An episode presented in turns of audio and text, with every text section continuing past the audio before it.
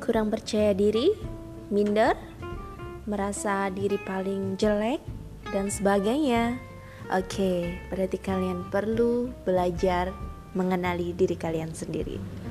Oke, buat kalian yang mengalami rasa seperti itu, berarti kita sama.